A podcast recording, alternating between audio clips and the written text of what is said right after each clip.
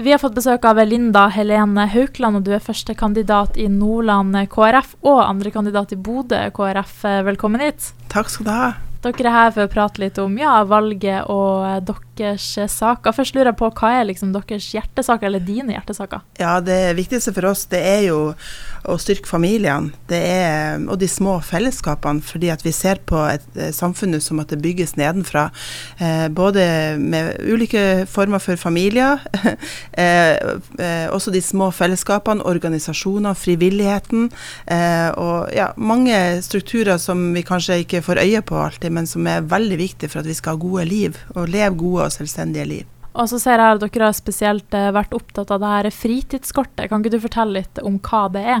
Ja, det er jo en sånn dobbel, det, det, eller trippel verdi for oss. Det ene er jo at vi ønsker at barn og unge skal få del i eh, fritidsaktiviteter, uavhengig om foreldrene har råd til det eller ikke. Så fritidskortet det går, går ut på at barn mellom 6 og 18 år får en sum, og vi tenker 2000 kroner per år, for å delta i en aktivitet som de sjøl velger. Og at det også skal kunne være eh, kulturtilbud, altså aktiviteter innenfor kultur. Eh, og det bidrar bidrar til inkludering. Det gjør at uh, kanskje flere rekrutteres inn og kan få være med i aktiviteter. Uh, og Vi ser at i Nordland har vi en stor utfordring knytta til utenforskap. og Derfor så er denne saken veldig viktig for oss. Det bidrar til å forebygge utenforskap og får, uh, ja, skape møteplasser. Flere, flere, steder og muligheter for barn og unge å møtes og være aktive på fritida si. Mm. Så, så, det er jo det ene. Det, det, det, er på en måte både for, for dem, de barna, barna og, og, de unge, og så er det også for eh, å forebygge utenforskap. Men så er det også viktig for oss å styrke frivilligheten. Det er en utrolig viktig sektor i samfunnet vårt som vi lett går glipp av. Eh, og når vi har eh, litt utfordrende tider som vi har nå med veldig økt belastning på familier med, med utgifter, eh, så kan, eh, i likhet med familiene, frivilligheten merke det før det offentlige. Og da er det viktig at vi styrker frivilligheten også. Så det er på en måte et sånn kinderegg. Mm. det fritidskortet er viktig. Mm. Ja.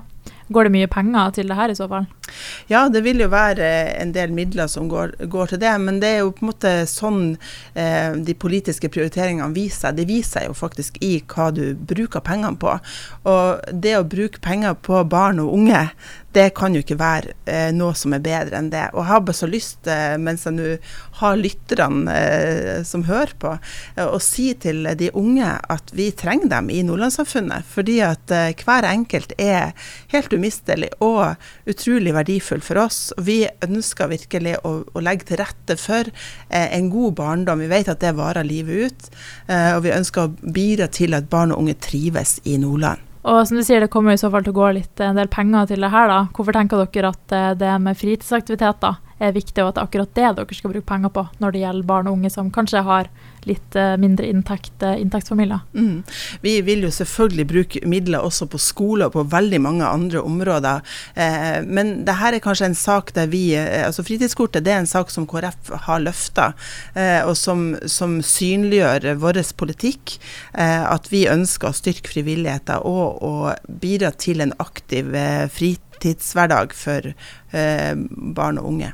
Og så tenkte jeg vi skulle gå over på en annen sak. Jeg ser du nylig var og prata litt om aktive dødshjelp i avisa. Her ser jeg det var en sak hvor ei dame som heter for Elsa Norum på 79 år, sa sjøl at hun hadde lyst eh, på det her tilbudet, da, aktiv dødshjelp. Men du var litt eh, uenig i det, kan ikke du eh, fortelle litt om det? Ja, For det første så, så, vil jeg bare si at det er bra at noen ber om debatten, for det er en viktig debatt. Og vi ser at stadig flere nordmenn, nordmenn faktisk er for aktiv dødshjelp. Og det jeg har tatt til orde for, er ikke aktiv dødshjelp, men det er aktiv livshjelp. For det vi trenger i, i Nordland nå, det er en styrka beredskap knytta til livets siste fase. Og Det er jo litt der vi kanskje ser hvordan vi ser på mennesket, det er i livets begynnelse og i livets avslutning. Er livet like verdifullt for oss da, og er livskvalitet like viktig? Og det er det for KrF. Eh, og Derfor så, så, så har jeg full respekt for at eh, Elsa Norun nå, som har gått ut og bedt om denne debatten, sier at det er vanskelig å møte eh, den siste fasen. Det er vanskelig å se for seg hvordan det skal bli bra. Og det er jo egentlig en fallitterklæring til helsevesenet vårt.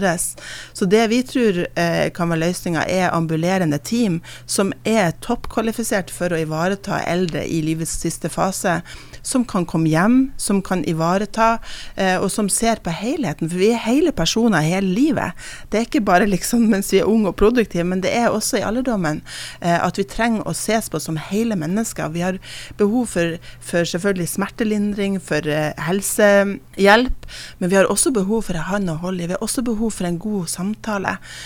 Og vi har også behov for forståelse knyttet til at det er vanskelig å bli eldre. Og da, da, er det også en, politisk løsning som vi kommer opp med, det er at, at storsamfunnet verdsetter den innsatsen som de pårørende gir. Kanskje, eh, altså, og da tenker jeg mer sånn utvida eh, i forhold til de eldre. Man kan ha store omsorgsbyrder eh, som pårørende over år. Eh, og Derfor så ønsker vi en pårørendestøtte på 7500 kroner i måneden eh, til dem som bidrar sterkt inn i de eldres liv og øker deres livskvalitet. Og da eh, er det sånn at omsorgslønn i dag, da må du ha en, en spesielt tung byrde, og du må må, det må gjelde kommunale oppgaver. Altså at du gjør kommunen sine oppgaver som privatperson.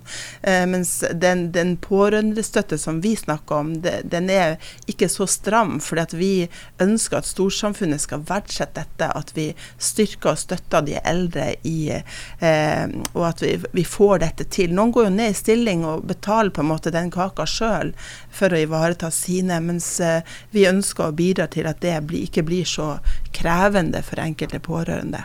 Mm. Så det er en helhetlig tankegang rundt dette som er løsninga, og ikke aktiv dødshjelp. Men du tenker ikke at sånn som Elsa da, at hun burde på en måte få bestemme sjøl hvis hun, hun, mener at det er den beste løsninga? Det er sånn at uh, For KrF så har livet et, uh, en ukrenkelig verdi. Det er ikke noe som vi på en måte skal sette oss over og bestemme over. Uh, så vår politikk er tufta på at menneskets verd skal ivaretas fra livets begynnelse og til en naturlig død. Så det er på en måte rammene for all vår politikk, og det vises jo kanskje sterkest eh, da f.eks. i, i palliativ fase, altså i avslutninga av livet. Eh, der blir vår politikk veldig prega av at vi, eh, vi, ønsker livet velkommen, og vi ønsker ikke at en persons helsetilstand eller livskvalitet skal avgjøre om vedkommende skal leve eller dø.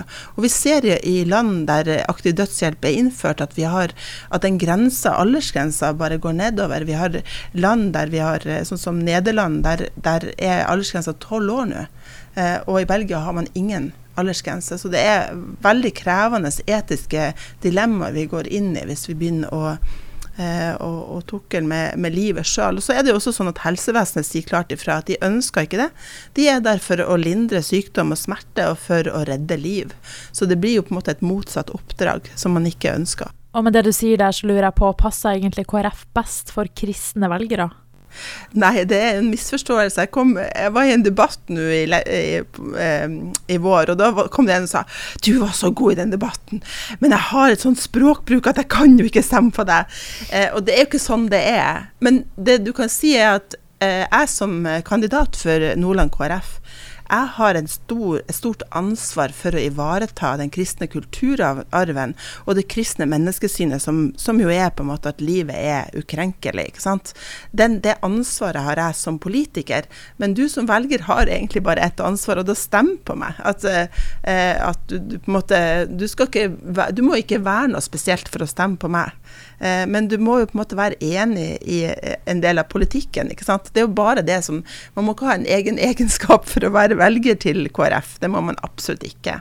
Eh, og man må ikke være kristne for å bli medlem heller. Så det, det, det er men, men vårt fundament og det som vi på en måte har som utgangspunkt når vi kommer med våre politiske løsninger, det er veldig sterkt fundert i den kristne kulturarven.